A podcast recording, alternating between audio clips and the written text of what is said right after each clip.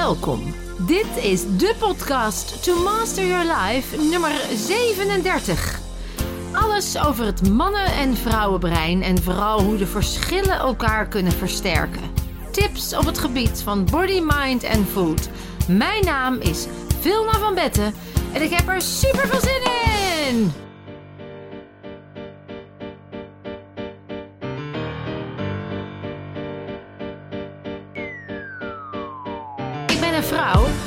Is heus geen pech. Ik heb geen last van agressie als ik rijd op de weg. Ik laat geen spullen liggen op de trap.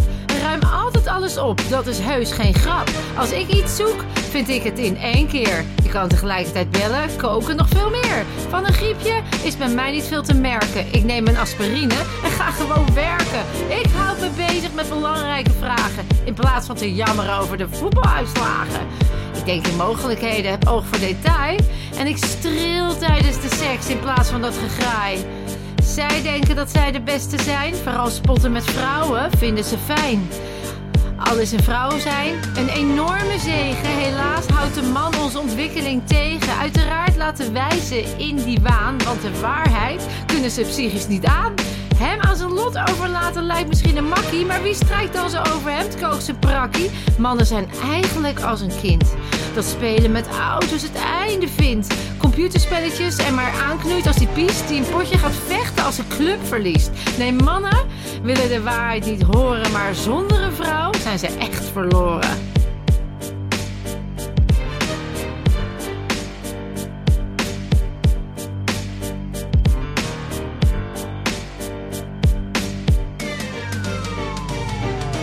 Ik ben een man. En dat is een geluk. Ik doe niet hysterisch, ook al heb ik het druk. Ik verspil niet mijn leven met wat moet ik aan? Ik kan zonder een depressie van de weegschaal afgaan.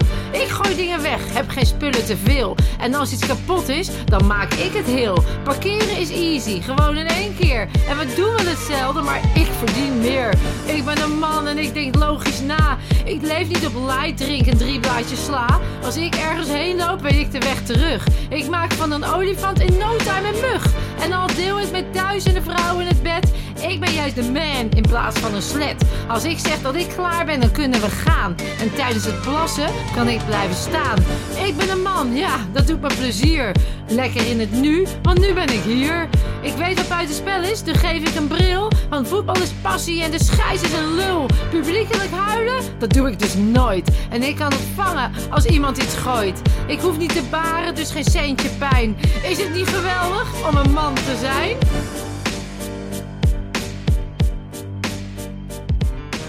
Dames en mensen, herkenbaar toch dat gedicht? En daar gaan we het vandaag ook over hebben. Het is een speciale podcast waarin we eens gaan zien of inderdaad er zoveel verschillen zijn tussen mannen en vrouwen. Uh, hoe dat dan zit neurologisch en vooral ook als die verschillen er zijn, hoe we die kunnen gaan inzetten om elkaar juist beter te begrijpen en zo meer liefde en verbinding te ervaren en meer begrip. Um, ik moest zelf eigenlijk denken aan een voorbeeld wat ik uh, zelf heb meegemaakt uh, een paar jaar terug. Ik was met mijn man op een zondag gezellig in de tuin. En ik hou heel erg van tuinieren en de plantjes verzorgen. Dus ik sta gebukt over de plantjes met mijn billen naar achteren. Ja, de plantjes te verzorgen. Mijn man die komt aanlopen en die gaat achter mij staan. Die kijkt zo naar mijn poezelige achterwerk. En uh, maakt vervolgens de opmerking: Zo, jemig, wat een reet. En op dat moment dacht ik: oh, Oké, ik uh, laat het even gaan. Het is uh, zondag, het weer zonnetje schijnt, gezellig, rozenperkje. Ik ga er lekker door met, tuinieren. Dus ik negeer mijn liefstallige man. Hij blijft nog even staan en hij kijkt nog eens goed. En zeg jemig man. Die uh, reet van jou is net een barbecue. Waarop ik nog steeds wijzelijk mijn uh, tanden op elkaar knars en uh, mijn mond dicht hou en denk: oh, Oké, laat maar gaan. Laat je dag niet verpesten. Je bent lekker zelfbeeld. Je bent blij met jezelf. Laat maar kletsen. Nou goed, dat doe ik ook braaf. En de dag verstrijkt. En we zijn eigenlijk aan het einde van de dag. We gaan even snel door de dag heen. En we liggen op bed. Uh, nou ja, je kunt je voorstellen dat ik dat incident nog steeds in mijn hoofd heb. Dus mijn man, die uh, dat al lang weer vergeten is, komt tegen me aan liggen. En ik lig met mijn rug naar hem toe. Dus uh, hij komt lekker tegen me aan liggen. En ik voel aan de achterkant dat hij ergens heel veel zin in heeft. En ik draai me om en ik zeg tegen hem: Je denkt toch niet dat ik heel mijn barbecue ga aansteken voor dat kleine worstje van jou? Welterusten. En dit is natuurlijk een typisch voorbeeld van hoe die misverstanden dan ontstaan door communicatie, door referenties, door de manier van kijken naar dingen, terwijl er helemaal niets echt kwaad achter zat. Dit is natuurlijk wel een grapje. Mijn man doet dat soort dingen niet. Maar wel als indicatie en voorbeeld van dat we kennelijk op een andere manier, met een andere focus naar elkaar kijken. En laten we daar eens gelijk even naar kijken. Ik wil vandaag eens even hebben over dat mannenbrein. En of dat dan inderdaad zo gericht is op die seks en uh, dat vrouwenbrein. Of dat inderdaad zo gericht is op socialiseren en aandacht en begrip. Want de titel zegt het, hè? Vrouwen willen seks en mannen willen praten. Nou, dat is bijna dat je denkt, hè, echt waar? Het kan ook zijn dat je dacht, oh, als dat zo is, dan wil ik wel eens even die podcast luisteren, want mijn vrouw heeft dat niet of mijn man heeft dat niet. Nou, dat komt omdat we dus kennelijk een ander voorkeurssysteem hebben in ons gedrag. En dat gedrag komt weer voort uit de neurologische, evolutionaire patronen die er gelegd zijn. En daar wil ik eigenlijk even naartoe, naar die oertijd. Een man die ging op jacht en uh, zorgde voor het eten. Als hij thuis kwam, ging hij in de vlammen staren. En een vrouw die uh, bleef achter, zorgde dat haar territorium veilig bleef, ging daarvoor socialiseren met haar omstanders, haar buren, uh, de vrouwen die er ook nog waren, zorgde ondertussen voor de kinderen en als de man thuis kwam, dan zorgde zij dat het eten op tafel kwam enzovoort. Nou, dat zien we eigenlijk uh, heden ten dagen wel minder terug. Maar die conditionering en die patronen zien we nog wel. Want waarom werkte dat toen zo efficiënt? Nou, een man was gewoon fysiek ook sterker. Dus hij is ook letterlijk handiger om op jacht te gaan. Daar heeft hij geleerd ruimtelijk inzicht te hebben, problemen op te lossen. En hij moest natuurlijk wel zeker weten, want daarvoor zijn we hier om ons geslacht voor te planten, hè, om ons uh, nageslacht zeker te stellen, had hij dus ook voldoende uh, aandacht voor voortplanting. Als hij dan uh, daarvoor uh, geëquipeerd was, en dat was hij, dan maakte hij in zijn brein het stofje testosteron aan. En testosteron is het feelgood stofje van de man. Daardoor voelt hij zich sterk, heeft hij is hij, kan hij ook agressief zijn als het nodig is. Dus hij kan die buffel aanvallen. Hij is doelgericht. Uh, hij is oplossingsgericht. En uh, ja, wil gewoon daarin de man zijn. Hè? Dus als men, mensen, heel, mannen heel veel testosteron hebben, ja, dan zijn het echt, noemen ze ook wel de alfa-mannetjes. En de mannen met minder testosteron, ja, dat noemen we dan de wat vrouwelijkere mannen. Het is allemaal niet uh, vast uh, omlijnd. Hè? Wat ik nu zeg is heel zwart-wit. Maar je hebt natuurlijk allerlei gradaties erin. Maar in hoofdlijnen ga ik er toch even zwart-wit doorheen. Een man ontspant door testosteron. Dan kan hij dingen oplossen enzovoort. Als hij zo'n dag doorloopt en hij lost zaken op, dan is hij aan het einde van de dag leeg. Dan is de testosteron op. En hoe loste hij dat op? Nou, twee manieren. Dan kwam hij thuis en dan ging hij of in de vlammen staren dat is nu de televisie of de iPad of de krant. Of hij had seks, waardoor hij weer testosteronniveau omhoog haalde. Tegelijkertijd bleef die vrouw achter. Bij de grot of bij kleine huisjes. En een vrouw, haar veelgoedstofje is oxytocines. En hoe kwam een vrouw nou aan haar oxytocines? Door aandacht. Door uh, te praten met mensen. Door te zorgen voor. Door te knuffelen met haar kinderen. En door die oxytocines voelde zij zich heel erg ontspannen. En als een vrouw ontspannen is, dan heeft zij ook veel meer behoefte aan lijfelijk intiem contact. Maar als een vrouw niet ontspannen is, dan zal ze dus ook niet makkelijk over kunnen gaan tot haar lichaamsgevoel en naar intimiteit. Dan zit ze te veel in haar hoofd, dan is ze te veel in, met alles bezig behalve met seks en is ze eigenlijk ook moe. Moe van alle taken die ze heeft moeten vervullen. Als we dat dan trekken naar het nu, dan zie je dus dat een vrouw nu ook veel meer, ja, wat vroeger mannentaken was, nee, een vrouw gaat naar haar werk, lost zaken op, is niet de hele dag met haar kinderen aan het knuffelen en aan het socialiseren. Uh, moet veel haar hoofd erbij houden. Dus een vrouw verbruikt veel oxytocines en krijgt eigenlijk meer testosteron dan gewenst. En dat is nou juist iets waar een vrouw stress van krijgt. Dus als een vrouw aan het einde van de dag thuiskomt, dan moet je als man even bedenken: dan zit ze dus laag in de oxytocines, hoog in de testosteron. Een man daarentegen, die tegenwoordig aan het werk gaat, verbruikt de hele dag zijn testosteron, komt thuis op precies hetzelfde moment en die wil dus zijn testosteron opladen. Dus die wil even geen aandacht meer geven aan zijn vrouw, want hij wil in de vlammen staren, of de krant, of de iPad, of de televisie. Of hij wil seks. En dat is precies wat vrouwen op dat moment dus niet willen. Die zijn helemaal laag in hun oxytocines. Dus daarom heeft een vrouw het gevoel dat als zij thuis komt, dat hij haar niet hoort, haar niet ziet, dat hij haar niet interessant vindt. En als hij dan ook nog eens seks wil, terwijl hij haar geen aandacht heeft gegeven. En dat is nou net waar zij oxytocines mee opbouwt en dus mee ontspant. Ja, dan is er dus een conflict. Want zij denkt, nou, hij vindt mij helemaal niet interessant. Uh, hij wil alleen maar seks. Wat denkt hij nou? Als hij mij aandacht geeft, dat hij dan uh, ook nog... Als hij mij geen aandacht geeft, dat hij dan ook nog seks krijgt.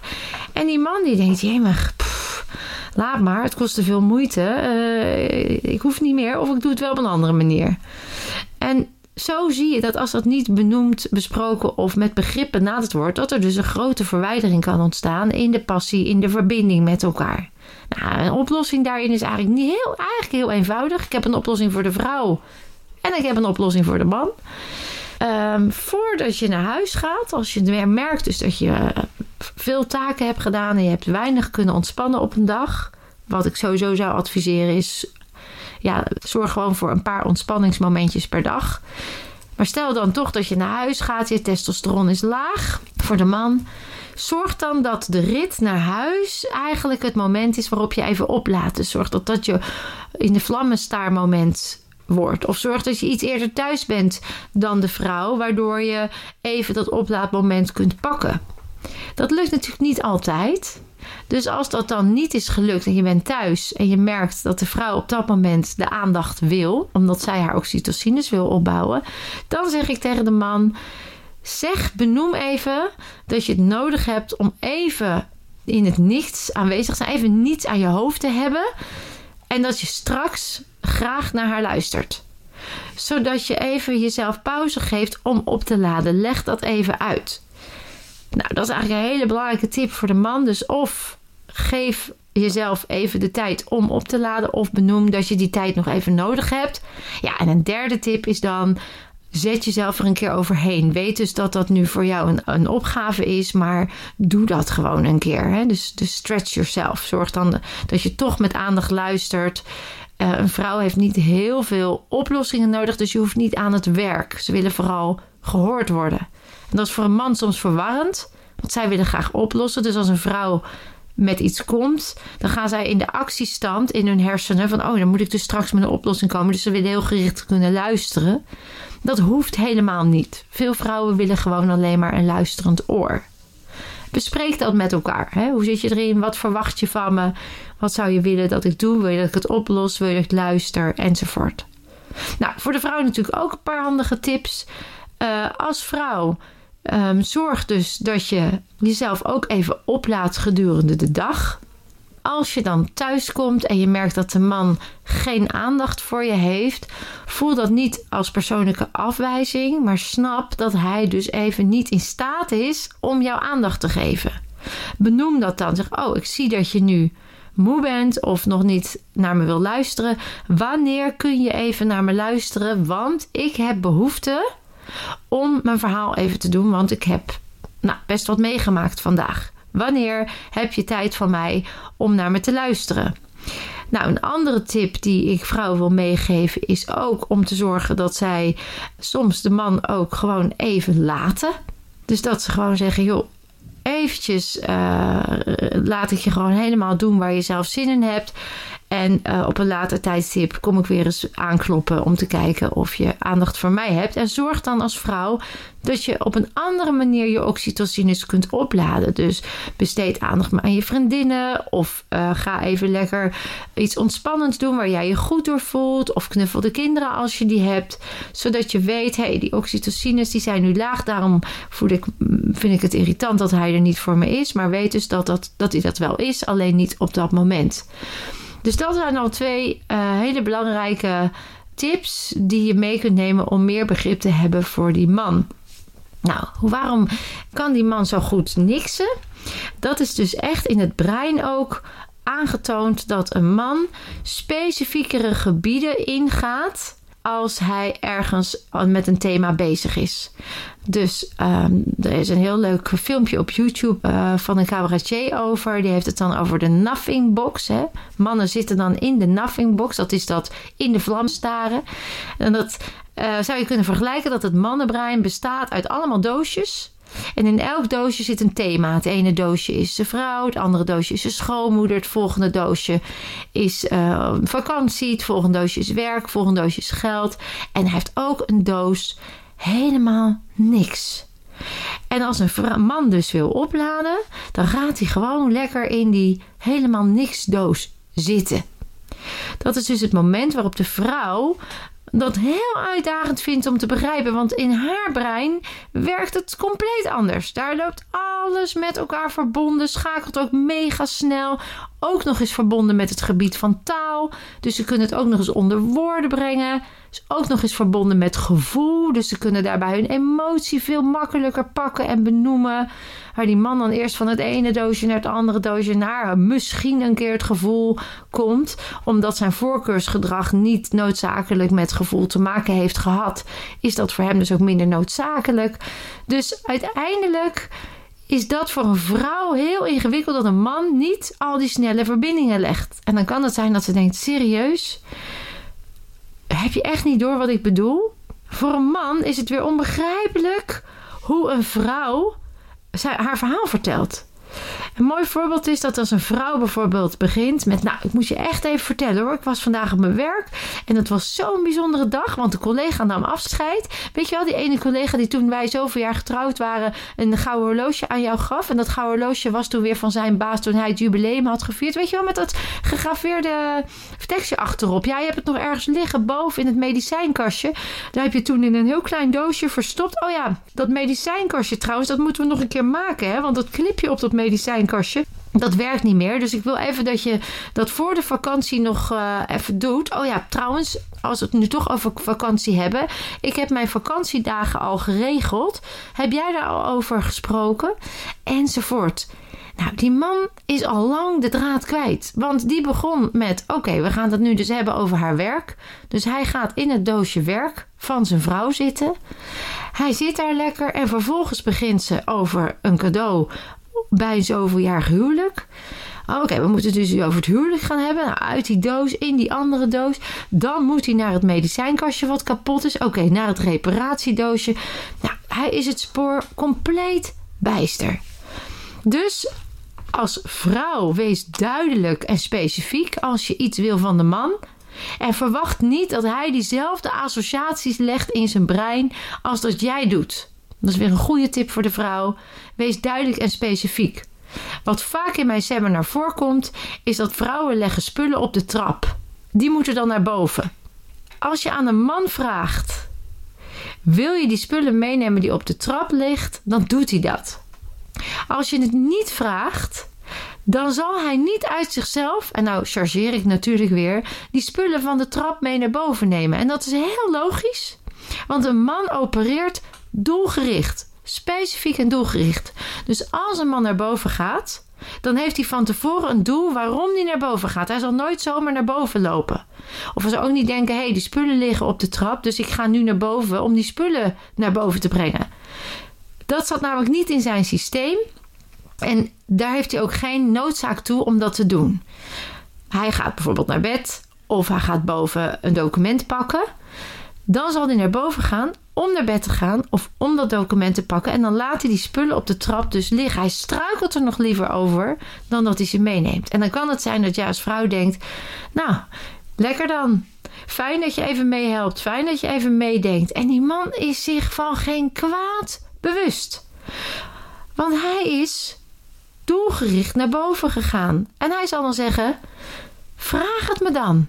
Vraag het me dan als je wil dat ik dat doe. En die vrouw die denkt dan weer: ja, als ik dat moet vragen, moet ik overal aan denken. En die mist dan weer de aandacht. En die denkt dan weer dat zij niet belangrijk is en dat zij niet gewaardeerd wordt. En zo kom je weer in een misverstand. Dus dames, wil je iets van de man? Wees niet beroerd, wees duidelijk. Vraag wat je wil, wees specifiek en de man zal het met liefde voor je doen. Alleen hij moet het wel weten, want zelf die associaties leggen zijn ingewikkeld. Hetzelfde is als je iets de koelkast hebt neergelegd.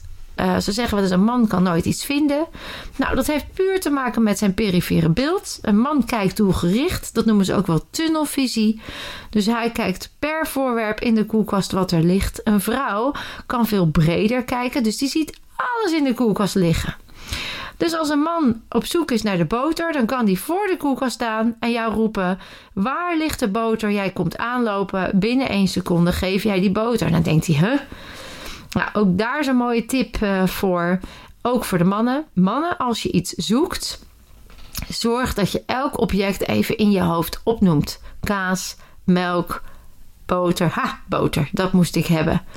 En vrouwen, wees geduldig, want een man kan weer heel snel doelgericht wel iets waarnemen waar jij dus overheen kijkt omdat je te veel waarneemt. Nou, laatste verschil wat ik nog even wil uh, aankaarten is uh, eigenlijk op het gebied van empathie. Ook een vooroordeel. Mannen hebben geen empathie, vrouwen wel. Nou, daar is onderzoek naar gedaan. Empathie is overigens aangeboren, maar vooral ook aangeleerd. Dus ook daar zit wel uh, een voorkeursgedrag in en een gekopieerd gedrag. Uh, aangeleerd is dat men voorheen uh, vrouwen empathischer opvoeden dan mannen. Dat zie je tegenwoordig anders. En dat is een mooie ontwikkeling, want mannen kunnen net zo empathisch zijn als vrouwen als het gaat over inleven in de ander. Alleen ze zullen in voorkeursgedrag gedrag dat niet vanzelfsprekend altijd nog doen. Je moet ze daar dus wel in uh, helpen.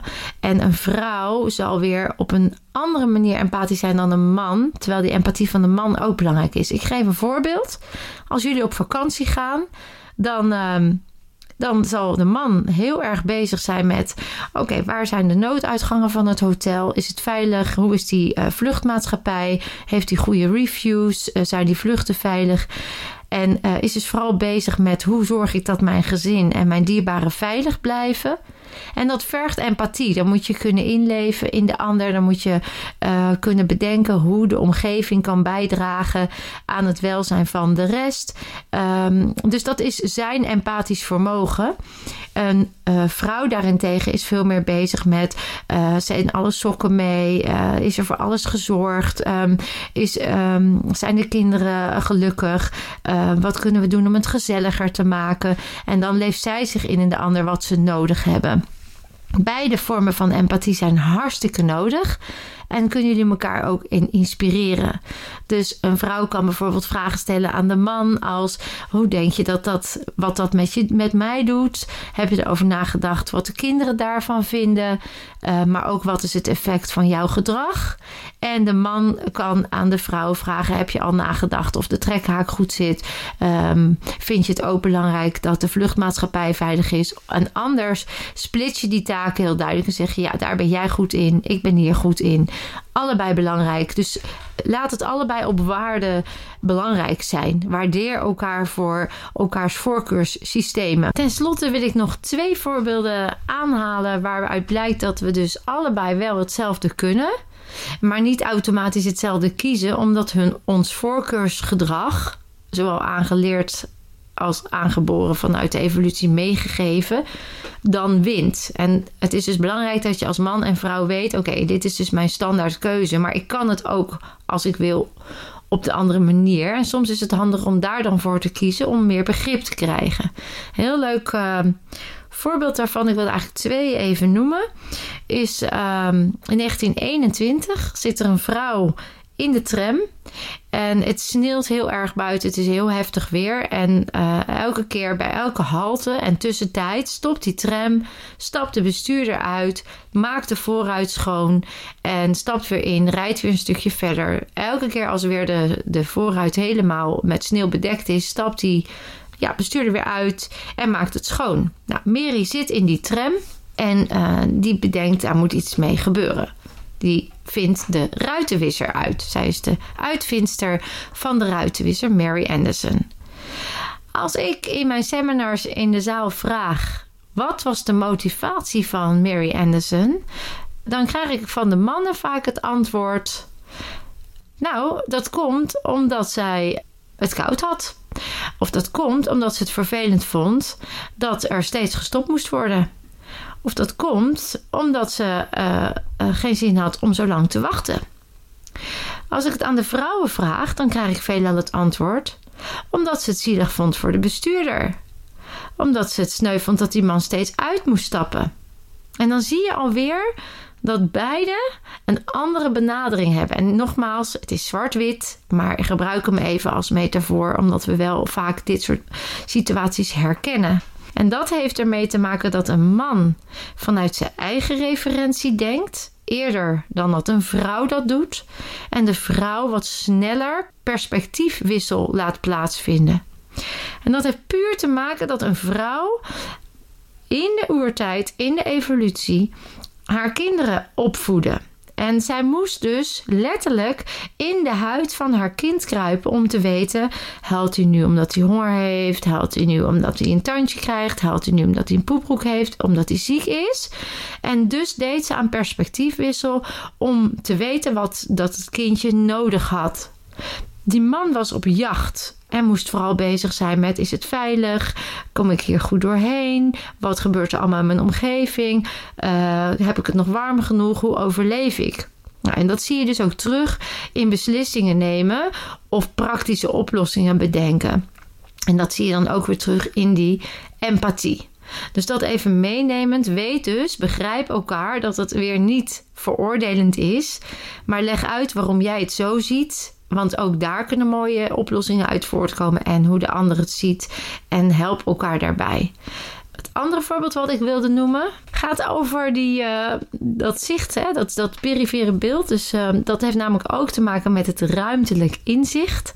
Dus een man die is dus veel meer gericht op dat doel en kijkt dus ook meer vooruit. En een vrouw kijkt dus meer omgevingsgericht naar buiten toe. En er zijn een heleboel onderzoeken naar gedaan. En dan zie je dus ook dat als een man in het verkeer een aanrijding krijgt, dan is het vaak aan de zijkanten. En als een vrouw in het verkeer botsingen maakt of ja, deuken krijgt, dan is dat vaak aan de voor- en achterkant. Want er is echt wel een heel duidelijk verschil in, uh, in de soorten aanrijdingen. En dat heeft dus weer te maken met het perifere beeld. Dus weet dat we gewoon op een andere manier naar dezelfde werkelijkheid kijken. Belangrijkste tips die je dus in deze podcast mee wil geven is gebruik de verschillen Word bewust van je eigen voorkeursgedrag als het gaat over de liefdebedrijven. Dus dat je eerst zorgt dat je zelf opgeladen bent. Dat je zorgt dat je met begrip naar de ander kijkt, omdat je snapt dat hij nog even in een andere staat zit. Uh, dat je met empathie meer begrip voor elkaar hebt. Dat je weet dat de man vanuit eigen referentie denkt. En jij dus wat makkelijker die perspectiefwissel als vrouw kunt maken. En snap dat van elkaar en help elkaar daarbij. Ja, en weet ook dat als het gaat over inparkeren. Of uh, zijn mannen nou beter of niet? Niet zwart-wit, maar dat heeft dus weer te maken met hoe we waarnemen en ons perifeer beeld, waardoor het de een makkelijker afgaat dan de ander. Dus word daar niet geïrriteerd van, maar help elkaar erbij. Dat is eigenlijk wat ik zeg. Wees wat liever voor elkaar. Als je nou een beetje in een impasse zit in je relatie, ik heb een e-book gemaakt waarin je voor, waar je eigenlijk met elkaar aan de slag gaat om die verschillen nog eens even te verhelpen, om die relatie te versterken. En daar, staan, daar staat even de theorie al in. Dus alles wat ik nu verteld heb en meer kun je dan even teruglezen. Maar er staan vooral hele doelgerichte, leuke opdrachten in. Die zeker gaan zorgen voor meer begrip en meer verbinding. In welke relatie je ook bent. Of dat nou op de werkvloer is, dat je als een man met vrouwelijke collega's te maken hebt of andersom. Of in je liefdesrelatie. Hoe je daarin elkaar weer helemaal kunt vinden. Nou, omdat ik vroeger dat seminar heb gegeven, staat dat e-book niet meer op mijn website. Maar wil je hem hebben? Schroom niet. Mail naar info en ik stuur je hem toe. Geef als onderwerp e-book male versus female. En ik zorg dat dat e-book jouw kant op komt. En daar kan je echt heel veel inspiratie uithalen. Wil je meer weten over hoe het brein werkt, hoe jij je levensgeluk en gezondheid kunt optimaliseren, hoe jij jezelf kunt bevrijden van kwellingen en belemmeringen? Want als dat in je relatie nog erachter ligt, hè, dus je bent nog getriggerd door oude pijn en daardoor reageer je agressief op iemand, dan moeten we natuurlijk met de Body and Mind Reset methode even wat opruimen en oplossen. En dan kun je natuurlijk altijd even een afspraak met mij maken. Ook als je in je relatie wil verbeteren, kun je samenkomen.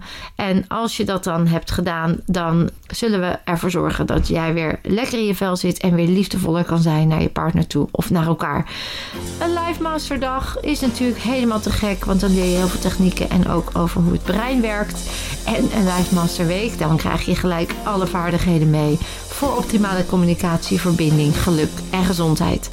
Ik vond het weer een feestje. Ik hoop dat jullie er wat aan gehad hebben. Mocht je vragen hebben, laat het me weten. Aanvullingen, tips. Ik hoor het echt heel graag. Dank jullie wel voor het luisteren. En je weet het, je kunt meer dan je denkt.